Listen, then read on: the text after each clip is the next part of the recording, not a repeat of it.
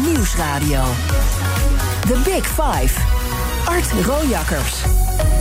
Fijn dat je luistert naar BNR's Big Five. Niet eerder zaten er zoveel kleine partijen in de Tweede Kamer. Daarom zijn we deze week een week lang in gesprek met de fractievoorzitters van vijf partijen. Die vertellen ja, hoe ze invloed uitoefenen, hoe ze een onderwerp op de agenda krijgen.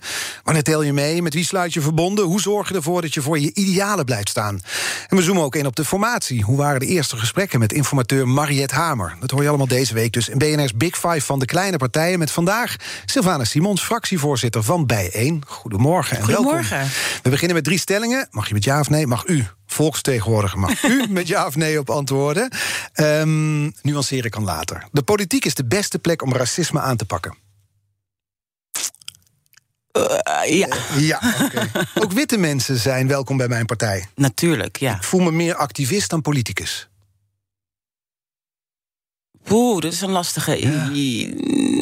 Ja. Mm, ja. Oké, nou, het is drie keer ja. We Ja. komen op alles wel terug hoor.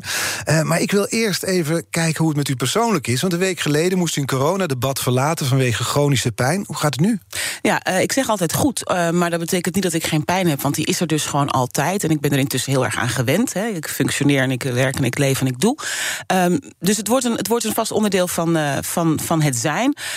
Maar het gaat wel, vandaag heb ik een goede dag, laat ik het zo zeggen. Ja, want dat gaat, dat gaat met ups en down- Ja. downs van ziekte natuurlijk. Ja.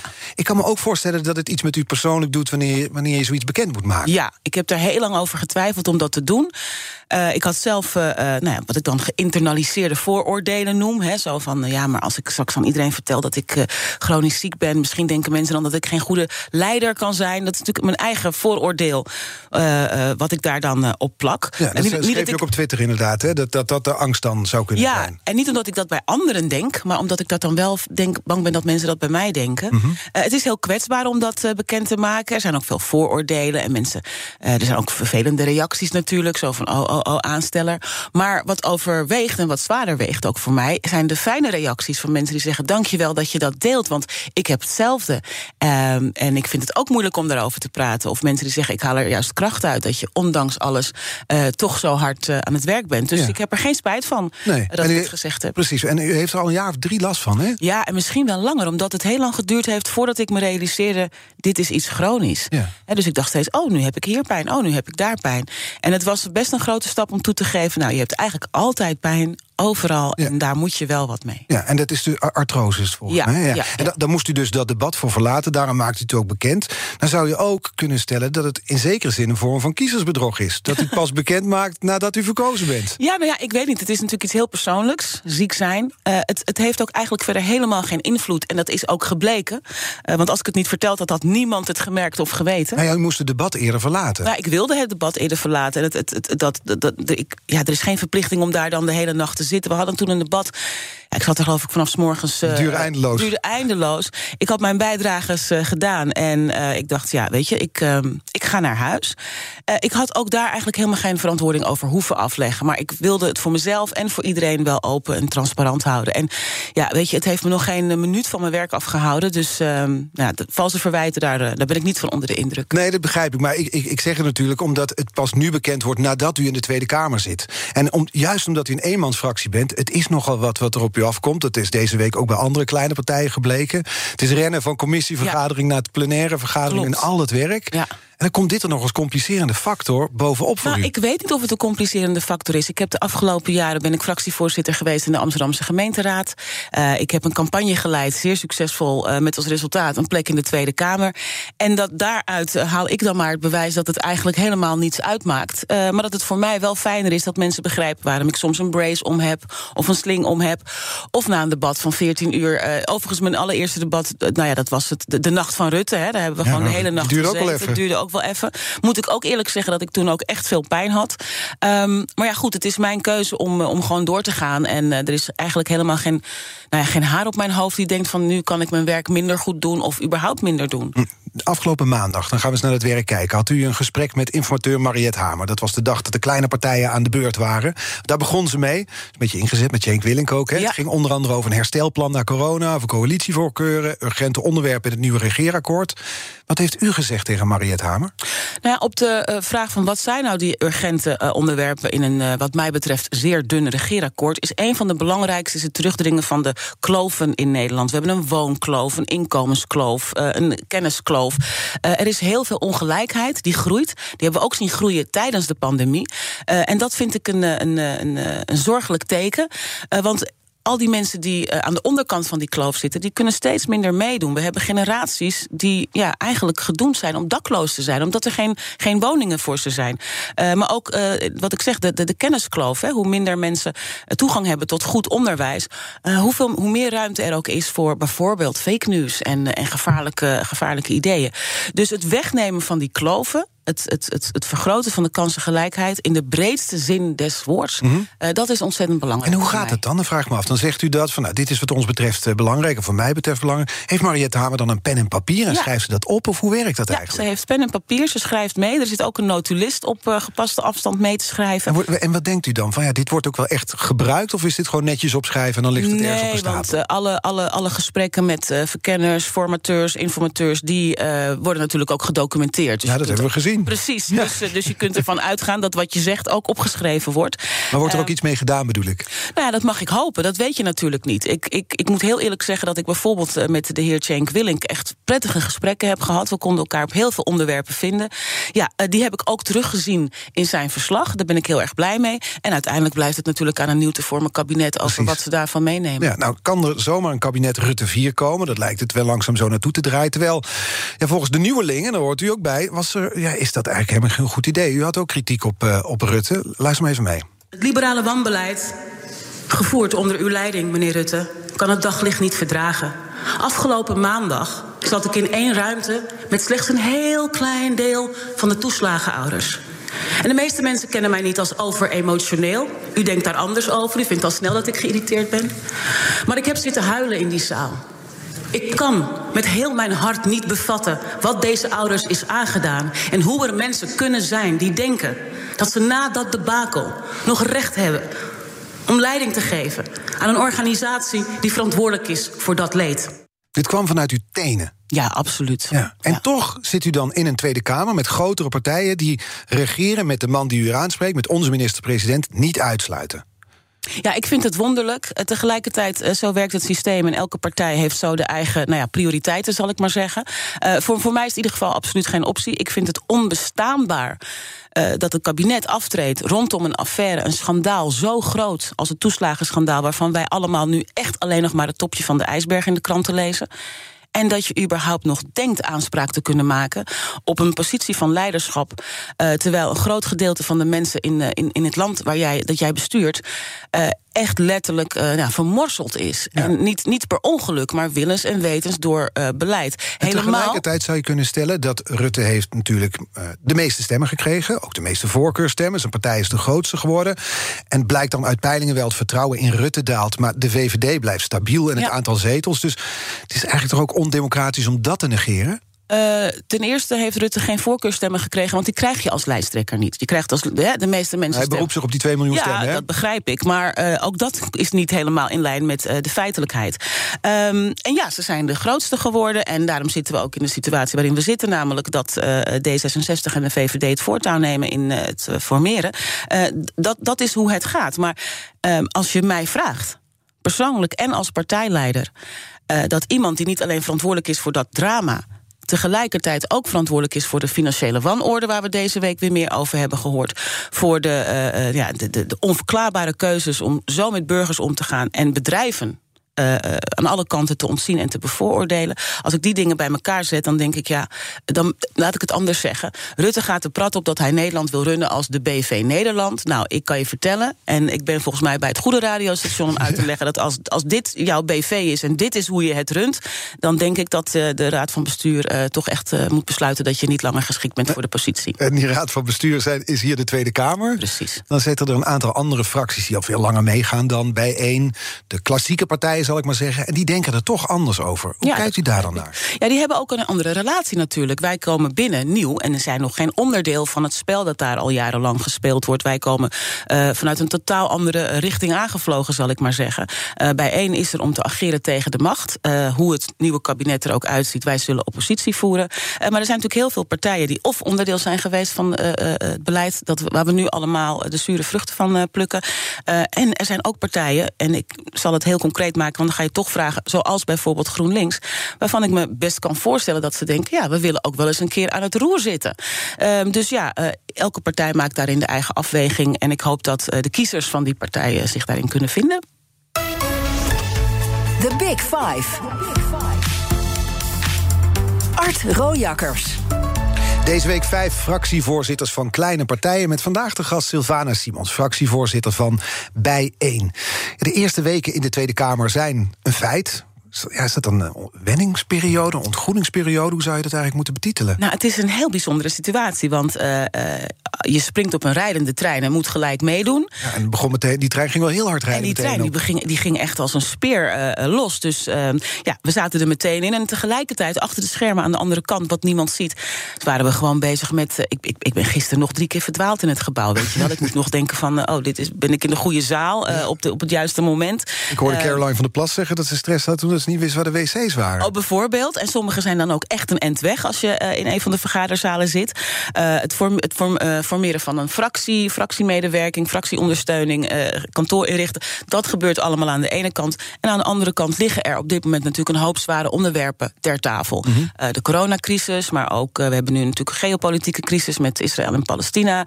nou ja, de, het rapport van de Rekenkamer. Dan heb ik het nog niet over de schandalen van gelekte notulen en, en meer van zulks dus uh, ja, ik heb, me nog, ik heb me nog geen seconde verveeld. Nee, dat kan ik me voorstellen. Krijgt u echt wel tips van, van collega-politici of van mensen die er al langer meelopen? Van nou, let hierop. Ja, de meeste Kamerleden zijn zeer vriendelijk, uh, zeer warm, zeer gastvrij. En ze bieden allemaal hun hulp aan.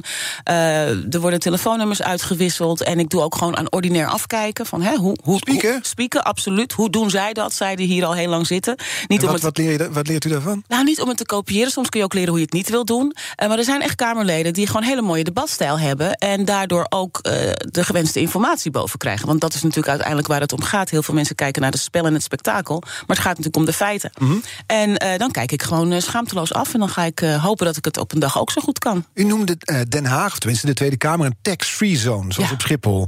Wat bedoelde u daarmee? Nou, je weet dat je eigenlijk, je bent nog wel in Nederland. Maar het is toch een, een, een wereldje op zich. En, en de afstand met buiten is ook opeens best groot. dat... waar, waar merkt u dat aan? Ja, dat heeft natuurlijk te maken met een ambtelijke omgeving... waarin protocollen en processen leidend zijn... en daar dus ook bepaald taalgebruik om de hoek komt kijken. Dus op een gegeven moment, ja, dan heeft iedereen eh, praat dan over in, in afkortingen bijvoorbeeld. Ja, en het woord ja en nee lijkt verboden in Den Haag. Ja of nee hoor je dat politie eigenlijk nooit eigenlijk zeggen. nooit zeggen, uh, want dat, dat, dan, eh, dan neem je ergens verantwoordelijkheid voor. Dan sta je ergens voor en dat is toch altijd uh, heel ingewikkeld. Uh, nou ja, veel mensen zeggen van waarom praten jullie altijd via de voorzitter? Dat is ook protocol ja, en dat vind ik ja. trouwens ook een heel mooi gebruik. Want uh, dat houdt ook een beetje de, de, afstand tussen de mensen die met elkaar in het debat zijn, zodat het niet persoonlijk wordt.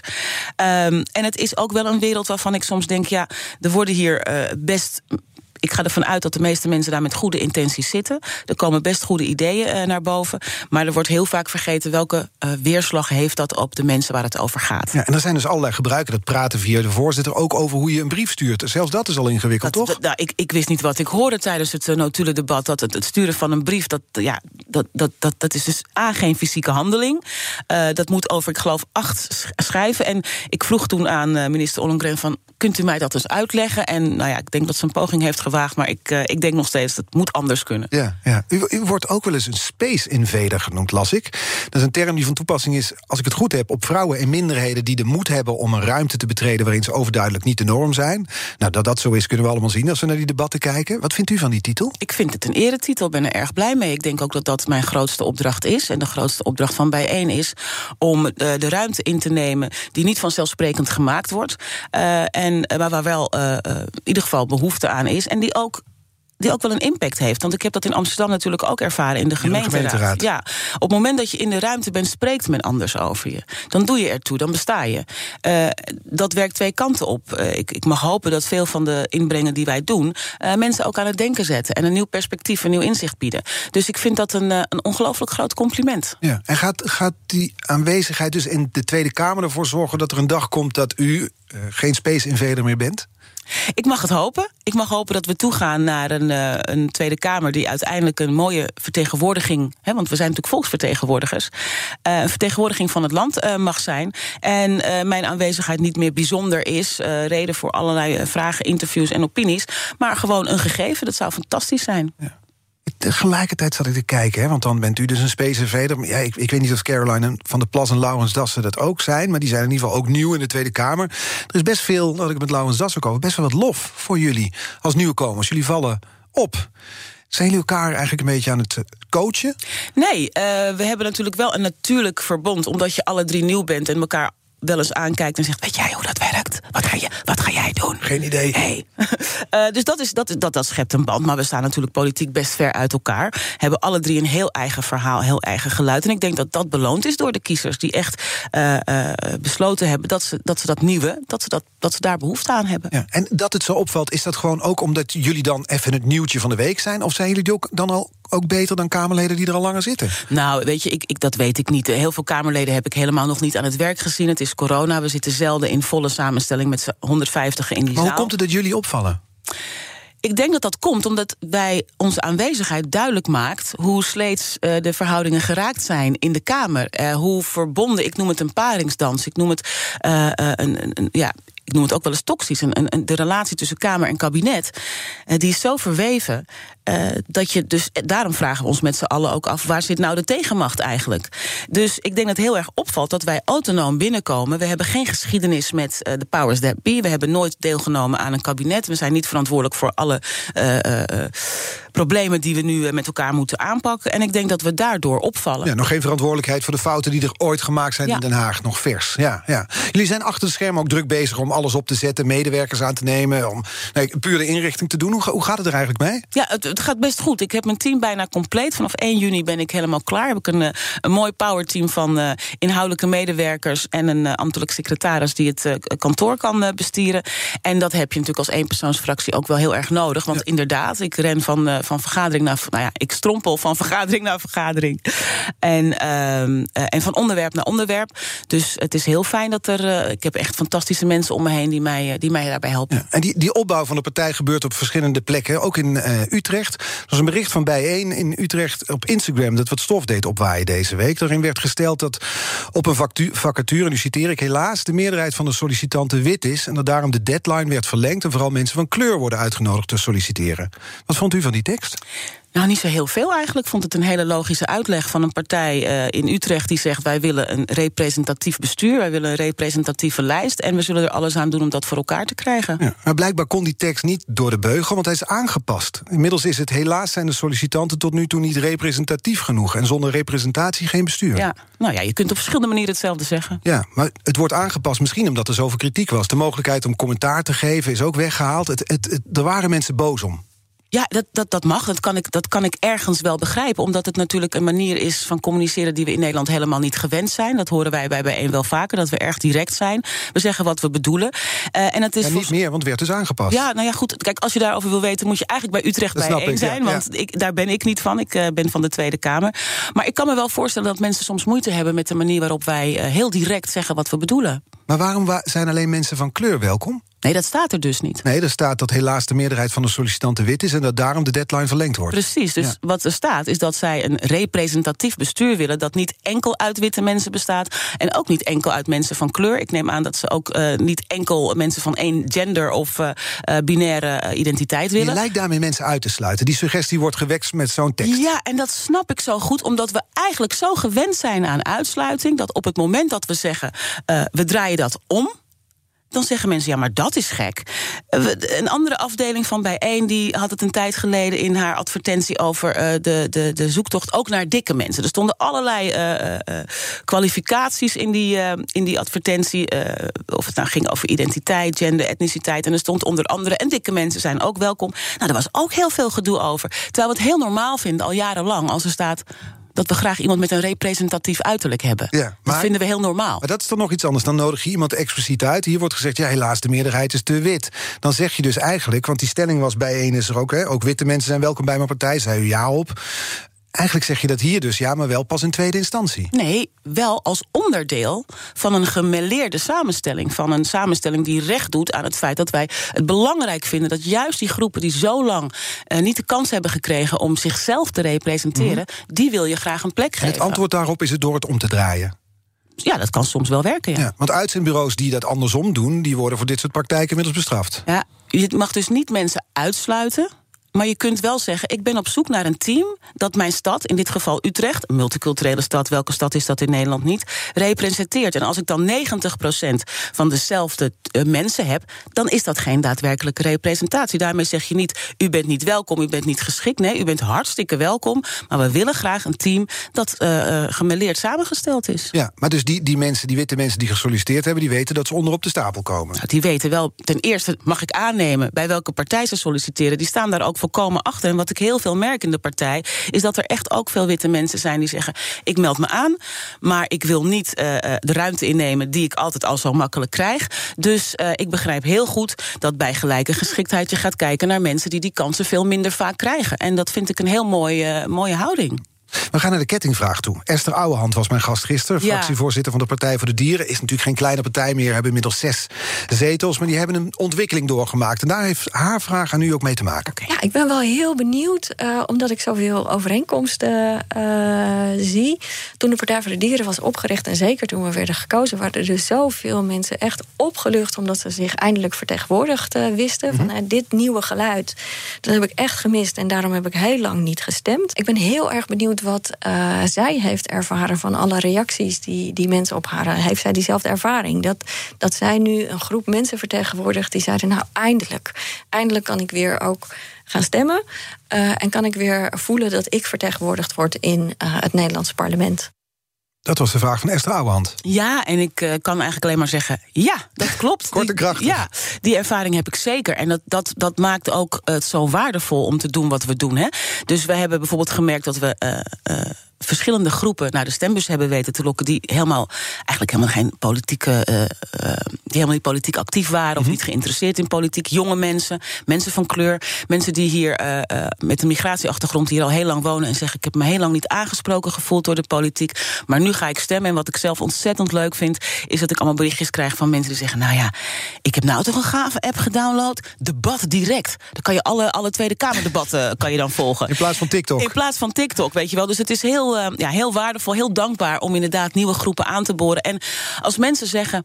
Ik heb me zo lang niet vertegenwoordigd gevoeld. Dat is eigenlijk een opmerking die diep in mijn ziel uh, snijdt. Omdat dat toch iets zegt over uh, nou ja, goed, uh, de, de recente politieke teneur die er heeft geheerst. En, en, en als zoveel mensen zich afwenden van iets dat ons leven op zo ongelooflijk veel vlakken elke dag beïnvloedt, dan ben ik ontzettend blij dat we aan die politieke activatie hebben kunnen doen. Ja, en dan is dus dat wat, wat Esther Ouwehand beschrijft, wat zij herkent uit haar begindagen, dat is dus eigenlijk op jullie ook van toepassing. Absoluut. En Esther, sowieso uh, uh, zie ik veel raakvlakken met uh, de, de, Partij voor de Dieren. Niet per se al, allemaal inhoudelijk. Maar inderdaad, uh, een partij waarvan mensen in eerste instantie denken: wat komen die nou doen?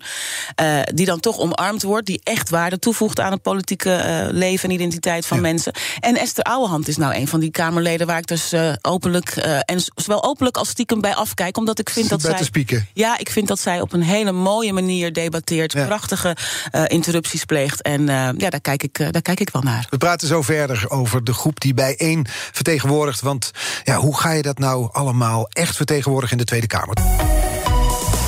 BNR Nieuwsradio. The Big Five. Art Rojakkers. Welkom bij het tweede halfuur van BNR's Big Five. Deze week vijf fractievoorzitters van kleine partijen... met vandaag de gast Sylvana Simons, fractievoorzitter van Bijeen. En ja, we praten zo verder, maar we gaan eerst naar onze Haagse verslaggever Thomas van Groningen. Die staat op het Binnenhof volgens mij te wachten tot de ministerraad voorbij is. Dat is dan jouw baan toch, Thomas? Ja, buiten wachten. Het begint ook een klein beetje te regenen. Precies. Dus het is niet altijd, niet altijd de leukste kant van het nee. En jij hebt even nagevraagd hoe er in de wandelgangen over bijeen wordt geroddeld, gepraat en gedacht. Vertel. Ja, nou, en, en dat, deze week ben ik een paar keer complimenteus geweest. Dat moet ik vandaag weer doen. Wat opviel uh, toen uh, bijeen, uh, vlak na de verkiezingen bekend werd dat bijeen naar de Tweede Kamer zou komen hoorde je toch, vond ik zelf opmerkelijk bij wat partijen een beetje, ja, weet je, wat, wat, wat, wat, wat gaat dit brengen in die zin qua sfeer? Omdat uh, in de Nederlandse politiek is het heel gebruikelijk dat je elkaar tijdens een debat best wel de tent uit kan vechten, maar dat je daarna, na afloop in het Kamerrestaurant bij spreken, uh, de armen om elkaar heen kan slaan, dat het allemaal weer koek en ei is en dat je wel op de inhoud elkaar bevecht, maar dat je persoonlijk altijd de verhoudingen nog wel goed blijven. Mark Rutte is daar ook een groot voorstander van, trouwens horen we altijd. Mhm. En uh, waar vooraf de angst was van... past een partij bijeen in die cultuur? Gaat dat goed? Nou, daarvan mag ik dus complimenteus zijn. Nu hoor ik in ieder geval in de wandelgang... ik heb even rondgevraagd de afgelopen week... dat, dat de partij daar heel goed in past. En men was toch wat, wat argwanend. Men had gedacht van... Nou, het wordt zo scherp, de schede misschien soms te scherp. Ja. Uh, maar dat, is, dat gebeurt niet. Uh, en ze vinden de, in, de, de inhoudelijke inbreng uh, van bijeen... wordt zeer gewaardeerd door een aantal grote partijen. Ook al zijn ze het inhoudelijk vaak wel mee oneens. Oké, okay, nou, we gaan hier snel verder. Succes daar op het regenachtige Binnenhof, Thomas. Dankjewel. Jullie zijn gezellig. Dat, nou ja, dat zijn we ook. Zijn ontzettend leuke mensen, eigenlijk allemaal. En uh, wij weten dat al een hele tijd. En het wordt eigenlijk steeds meer uh, uh, omarmd en gezien. Hm, ja, dat blijkt dan maar ja. weer, ja. En dus ook die complimenten die er, die er waren, die we al kort besproken. Um, Laten we daar zo op terugkomen. Dan komen we ook op die maiden-speech die u hield. Maar ik wil eerst even terug in de tijd met u. In 2017 probeerde u ook in de Tweede Kamer te komen. Toen lukte het niet. Nu wel. Wat is er in de tussentijd veranderd? Nou, in 2017 bestond onze partij nog maar heel kort, hè, een paar maanden. Uh, voortgekomen, of, geboren na mijn vertrek bij een andere partij. Is nooit echt een fijn uh, uh, vertrekpunt. Gaat u de naam niet noemen van die partij? Oh, denk, dat oh, weet okay. iedereen. Ja, okay. um, en... Um, mensen kenden ons als partij nog niet. Mm -hmm. uh, wat, wat gaat die Simons dan doen? Te jong, te pril, te onbekend en te onervaren. En intussen, in die vier jaar, hebben we uh, laten zien... wat onze politiek inhoudelijk betekent. Onder andere in de gemeenteraad van ja, onze hoofdstad. Dus daar kan, je wel, uh, daar kan je wel goed laten zien waar je voor staat. We hebben mm -hmm. daar mooie dingen met elkaar bereikt. En de mensen hebben onze partij beter leren kennen. En we hebben natuurlijk een, een, een, een verloop gezien van een maatschappelijk gesprek... rondom ongelijkheid, rondom discriminatie... rondom racisme, dat zich heeft ontwikkeld. En waarvan steeds meer mensen doordrongen zijn geworden dat het een issue is. Uh, niet alleen wereldwijd, maar ook in Nederland. En toen ik begon in 2016, 17, toen zeiden mensen: huh, racisme, bestaat dat dan in Nederland? En nu, dus er stond altijd nog een vraagteken achter.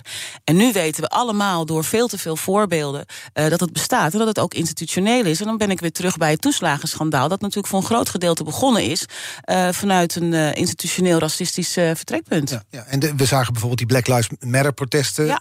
ook hier in Amsterdam, in Nederland, breed gedragen. Dat draagt dan ook bij aan een momentum voor zo'n partij als Bijeen. Jazeker. En emancipatie is natuurlijk altijd een proces... dat gaat niet van de een op de andere dag. Dus uh, dat geldt voor, uh, voor iedereen die, die daarbij betrokken is. Voor de, voor de mensen die het treft. Voor Afro-Caribische Nederlanders, voor zwarte Nederlanders... voor mensen van kleur in Nederland.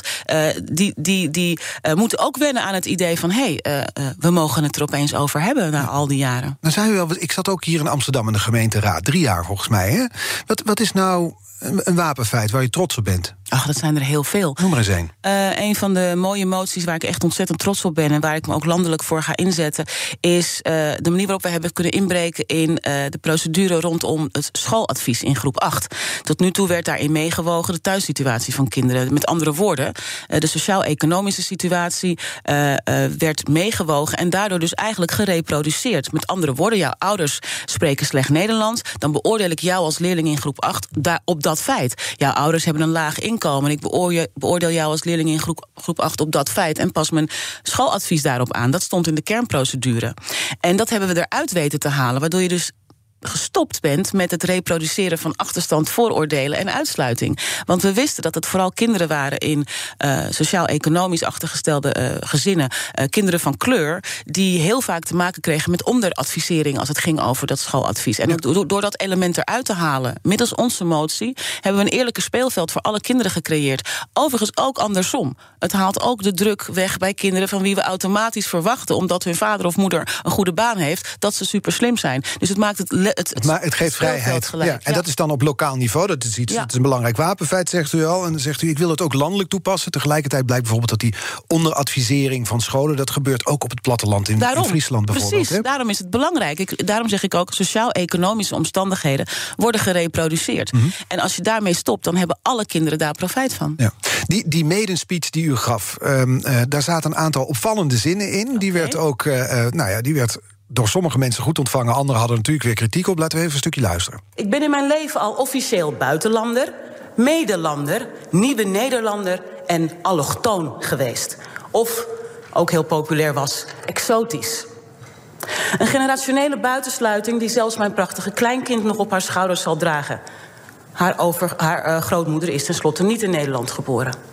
En als geen ander zie ik, weet ik, voel ik, heb ik ervaren hoe zwaar het kan zijn om zulke uitsluiting te overwinnen. En voorzitter, het lukte mij. Met vallen en opstaan. Met vallen en opstaan de uitsluiting overwinnen. Hoe is dat uh, gelukt? Ja, uh, door te leven en adem te halen en gewoon maar door te blijven gaan. Uh, en uh, door kansen te grijpen, door zichzelf te creëren, uh, door niet bang te zijn, door je niet te laten ontmoedigen. het is een gegeven. er zijn heel veel vormen van uitsluiting. Mensen die een beperking hebben, die kunnen je er alles over vertellen. Vrouwen in het algemeen kunnen je er alles over vertellen. We leven in een samenleving een, een, een, volgens een, norm die eigenlijk het mannelijke als norm heeft. Uh, dus alle, man, wit, uh, middelbare leeftijd. Dat is ongeveer. Ik zit echt lekker bedoeld. Ja, ja precies. Ja, ik, ja, ik, kijk ik naar jou en ik krijg in één keer de, de woorden komen zo ja. tot mij. Uh, maar dat zie je ook aan de samenstelling van raden van bestuur, van directies, van nou ja, in Den Haag. En alles wat daar een beetje van afwijkt, ja, heeft extra uitdagingen. Maar tegelijkertijd had u een succesvolle carrière in de media voordat u de politiek inging. heeft u een carrière gemaakt in de Amsterdamse gemeenteraad. Het is dus ja, het is ook weer niet zo dat hij geen kansen kreeg. Nee, het gaat er niet om of je kansen krijgt of niet. Het, het kijk, um, wat je hier laat zien, en dat is geen uh, verwijt hoor, uh, neem, als, als, neem het alsjeblieft niet zo op. Maar wat u hier laat zien is eigenlijk uh, de typische reactie. Ja, maar kijk, hier heb ik een succesvoorbeeld. Dan zeggen we van ja, er moeten meer mensen van kleur in de politiek. En dan zegt iemand anders, ja, maar we hebben Abu Talib in Rotterdam. We hebben Sylvana we toch? We hebben Sylvana toch. En met andere woorden, we, we, er is er één, dus er is genoeg. er één, dus ja, er is, er is geen probleem. en dat is jammer. En ik zeg ook altijd, ik vind het helemaal niet erg dat mensen in het leven uitdagingen tegenkomen. Die ben ik ook tegengekomen en hebben mij gemaakt tot een hele sterke vrouw met een enorme drive. Maar het zou zo mooi zijn als we sommige uitdagingen, sommige drempels kunnen wegnemen. En ervoor kunnen zorgen dat komende generaties wellicht andere drempels mm -hmm. tegenkomen. Maar niet zoals bijvoorbeeld een drempel van die uh, onderadvisering in het onderwijs. Ja, da daarom zei u op een van die stellingen: de politiek is de beste plek om racisme aan te pakken. Als even aan twijfelen, toch? Zijn ja, ja, het is een twijfel, want het is natuurlijk niet de enige plek. En het, uh, als alleen de politiek zich er druk over maakt en we met elkaar in het intermenselijke contact ons niet bewust zijn van hoe we met elkaar omgaan, ja, dan gaan we het echt niet uh, uit, uitwissen. Maar het is wel een belangrijke plek, omdat in Nederland het ook een plek is waar het zo wordt aangewakkerd. De afgelopen twintig jaar uh, is er een, een, een, een politiek over Nederland uh, uitgestort, waarbij het steeds normaler is geworden om uitsluitende ideeën tot beleid te maken. Nou, nogmaals, gevolg daarvan is onder andere het toeslagenschandaal. Maar laten we niet vergeten dat we een partij hebben in het parlement die in haar verkiezingsprogramma zonder blikken of blozen beweert dat sommige Nederlanders gedeporteerd moeten worden op basis van het feit dat ze een bepaalde religie uh, willen beleiden. ik, ik vind het onvoorstelbaar dat daar niet gewoon veel meer ophef over is. Dat komt vanuit de politiek en dat moet daar ook bestreden worden. Ja, en dan zit er dus een activist in de politiek, want u zei ik ben meer activist dan politicus. Nou, dat blijkt ook uit zo'n opstelling als dit misschien wel. Ja, ik hoop een activistische politicus te zijn. En activisme betekent echt niet per definitie uh, onaangepast of onhandelbaar, uh, maar wel, maar wel gewoon duidelijk. Een, precies, duidelijk en een, en een felle toon. De gebruikelijke kritiek is dan, ja, die felle toon, die manier van debatteren, dat leidt jou nou juist tot meer polarisatie. Dat ja. zet de boel op scherp. Ja, de boel staat al ruim twintig jaar op scherp in Nederland. Ik ben ongeveer vijf jaar politiek actief. Dus ik vind het een groot compliment dat mij zoveel verantwoordelijkheid wordt aangewreven. Maar ik werp het verre van mij, zouden ze in Den Haag zeggen. Ja, ja nou kijk, het wordt al helemaal overgenomen. Dat vocabulaire. Ja. Maar, maar toch, u roeit tegen de stroom in.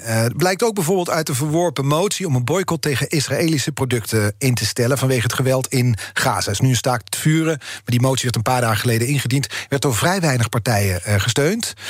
Wel heel veel online kritiek. Ja. Ja, mensen vinden het heel ingewikkeld om te zien dat wij. Uh, uh, ja, we zijn, we zijn duidelijk in wat we zeggen. dus, dus, dus dat wat wij zeggen, daar, daar staan wij voor. En, mensen vinden het moeilijk, omdat we natuurlijk niet gewend zijn dat deze kant van het verhaal ook eens een keer onomwonden benoemd wordt. We vinden het vol, intussen volkomen normaal dat Kamerleden staan te oreren met heel veel kabaal over kopvodden en uh, mensen die het land uit moeten. En uh, dat, vinden, dat, dat, dat zijn we gewend. En als er dan uh, mensen zijn die, die eigenlijk op heel rustige toon heel duidelijk formuleren waarom het gerechtvaardigd zou zijn om economische sancties uit te voeren, ja, dat vinden we dan ineens heel nou, radicaal. Dan bent u een antisemiet? Wordt ja, dat, dat, wordt dan gesteld. Ja, ik vind het onvoorstelbaar. En het is ook het soort verwijt waar ik echt absoluut niet mee kan. En bovendien, inhoudelijk, een inhoudelijk antwoord is: je hoeft het is helemaal niet nodig om een antisemiet te zijn. Uh, Integendeel, om je uh, te keren tegen het, uh, het, het apartheidsbeleid dat Israël voert tegen de Palestijnen.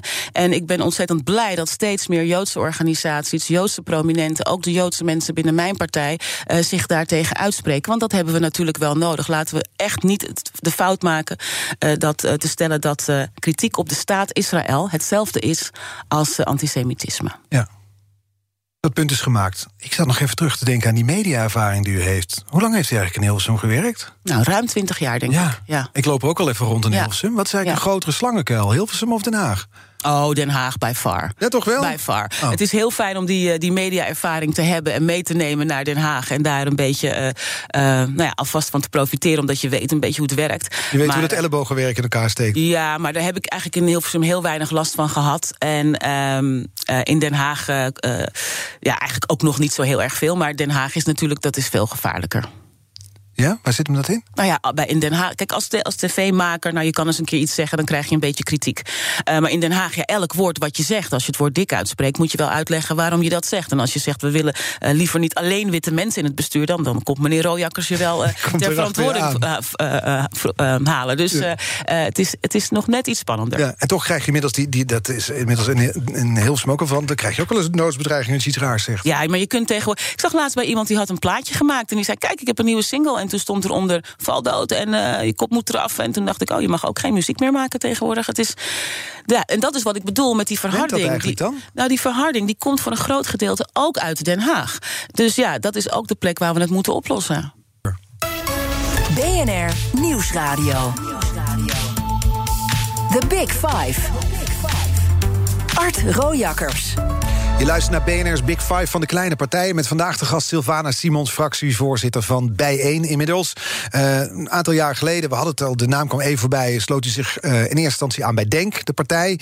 Um, u vertrok toen u, en ja, dat is mijn interpretatie, misschien klopt het niet hoor... toen u veel haatreacties en bedreigingen uh, kreeg... en u binnen de partij het idee had, ik sta er alleen voor. Klopt dat zo'n beetje? Dat klopt een beetje, ja. ja. Hoe is jullie relatie nu? Nou, heel goed. Uh, een van de moties waar je net naar verwees, uh, heb ik samen met de heer Koezel ingediend. We werken uh, eigenlijk al ook in Amsterdam, in de Amsterdamse gemeenteraad, heel goed samen op de onderwerpen die we allebei belangrijk vinden. en ja, net als elke, bij elke andere politieke partij, op sommige onderwerpen liggen iets verder uit elkaar.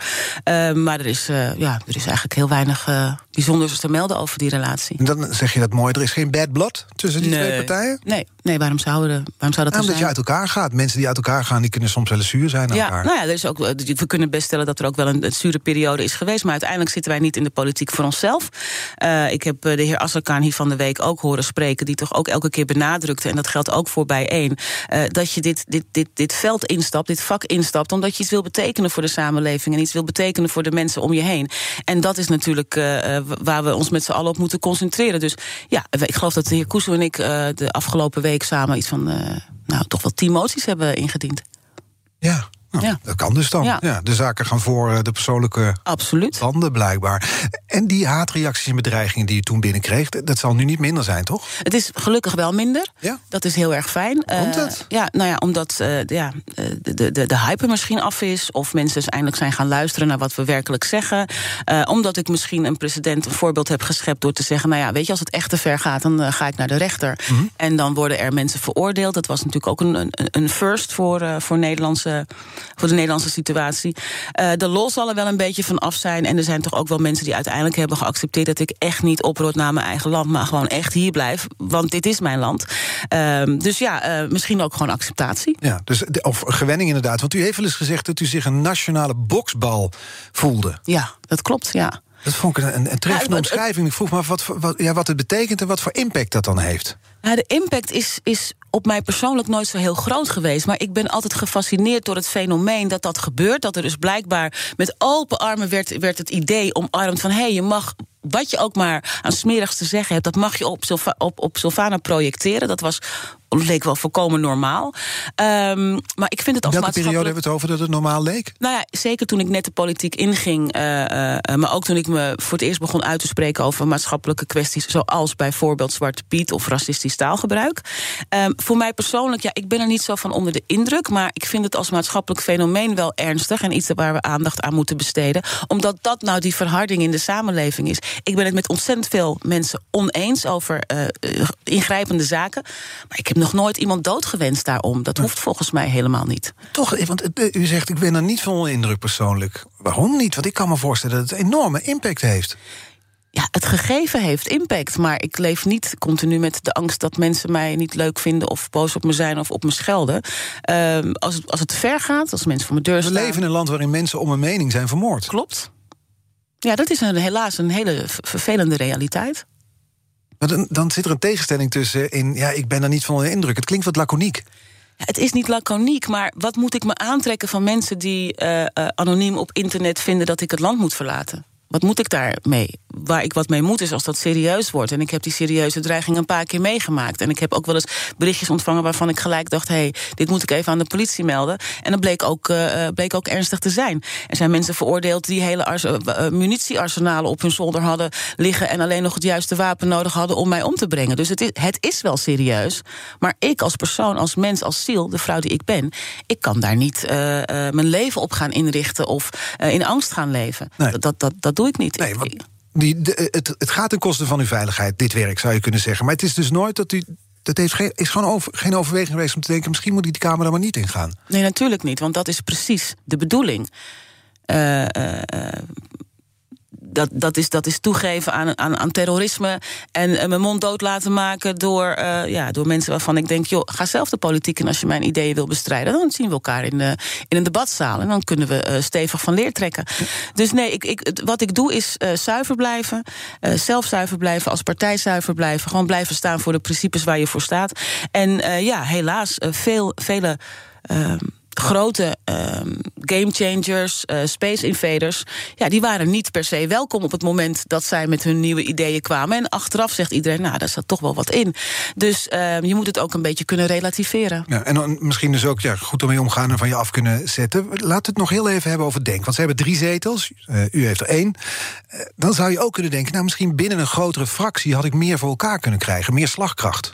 Ik denk dat ik nu de meeste slagkracht heb als, heb als eh, authentieke eh, eenpersoonsfractie... die eigenlijk helemaal vrij is om eh, te bewegen zonder fractiediscipline. Ja, maar wel chronisch ziek. Al die commissievergaderingen, al die lange vergaderingen... alles moet, je nu, moet niet. nu in, het een- in uw eentje doen. Maar dat zou niet anders zijn als ik bij een andere partij Dan had kun je toch wel de taken verdelen als je met z'n drieën bent? Dan kun je net iets meer de taken verdelen, maar de autonomie die, die ik nu heb. En die, ik bedoel, als ik, ik, had, ik had er graag met nog twee collega's gezeten hè, in die Kamer. Eh, en dan heb je ook fractieoverleg. Ehm, die is heel fijn, die is heel prettig. We zijn een totaal andere partij dan denk. Dus eh, ja, eh, die twee culturen bij elkaar, ik weet niet of dat zou werken. Maar samenwerken kan altijd. Ja, want we zien veel afsplitsing in de Tweede Kamer. Ik vraag het ook omdat we inmiddels met 18 fracties... we, ik niet, maar er zijn inmiddels 18 fracties in de Tweede Kamer. Er wordt volgens over gezegd, ja, dat is zo'n versplintering. Het land wordt er bijna onbestuurbaar door. Nou, de onbestuurbaarheid die we, die, we, die we nu hebben... die komt niet door die 18 fracties. Nee, die, komt door, die 18 fracties zijn misschien wel een, een, reactie erop zelfs... maar het is in ieder geval, de debatten duren langer. Het, is, het is een soort Babylonische toren vol spraakverwarring aan het worden daar in Den Waarom zouden debatten die gaan over het landsbelang... die gaan over belangrijke onderwerpen die ons allemaal treffen in ons dagelijks leven. Waarom zouden die kort moeten zijn? Waarom zou daar een beperkt aantal mensen onderdeel van moeten zijn? Dat sommigen het niet volhouden, die moeten dan eerder naar huis. Ja, nou, maar ik, dat, dat, dat, doet aan het, dat doet aan het resultaat helemaal niets af. Ik heb daar, want ik, ik vind het wel uh, opmerkelijk dat we uh, blijkbaar het idee hebben uh, dat in Nederland inderdaad een BV is die efficiënt gerund moet worden. Wat we nodig hebben is de realisatie dat we een coöperatie zijn die effectief, zuiver uh, uh, en netjes gerund moet worden mm -hmm. en fair. En um, ik denk dat we af moeten van het idee dat daar 18 fracties zitten. En dat iedereen, ook de Kamerleden, zich moet realiseren dat er 150 volksvertegenwoordigers in die Kamer zitten. die tot taak hebben het kabinet te controleren en uh, wet en regelgeving samen vorm te geven. En dat is een heel ander uitgangspunt. Dus die partijpolitiek, die fractiepolitiek, die fractiedwang, uh, coalitievorming, uh, daar moeten we van af. Wat mij betreft zitten er 150 Kamerleden die overigens allemaal beloven zonder last of ruggenspraak daar te zitten, maar vervolgens allemaal last hebben van fractiediscipline. Dus ik, ik, ik, ik, heb, ik denk daar Je ziet het probleem niet. Nee, absoluut die, niet, in tegendeel. Het is dus niet zo dat, hè, dat, dat zullen kiezers denken, dat grotere partijen meer slagkracht hebben. Dat ze meer de taken kunnen verdelen, waardoor ze nou ja, meer impact kunnen hebben. Natuurlijk, als, je, als, je, als ik met z'n twintigen zou zijn, dan had ik zeker meer slagkracht en zeker meer impact. Uh, tegelijkertijd uh, kan ik me niet aan de indruk onttrekken dat zowel in Amsterdam als in Den Haag uh, mijn aanwezigheid als eenpersoonsfractie wel degelijk impact heeft. Dus ja, soms, soms is het kwaliteit over kwantiteit. Oké, okay, goed punt. We gaan naar de kettingvraag toe, die u mag stellen aan de volgende gast. Volgende week presenteert mijn collega Diana Matroos een week die als thema heeft De Nieuwe Macht. Haar eerste gast is PostNL-topvrouw Herna Verhagen. Zij is in zekere zin ook een space invader, want ze is de eerste en enige uh, Nederlandse topvrouw bij een AEX genoteerd bedrijf. Wat zou u haar willen vragen? Nou, ik zou haar ten eerste willen uh, feliciteren uh, met die, die positie. het is natuurlijk best. Ja, best bijzonder dat we in 2020 nog steeds zoveel firsts hebben. First black woman, first woman. Uh, dat is uh, een bitterzoet genoegen.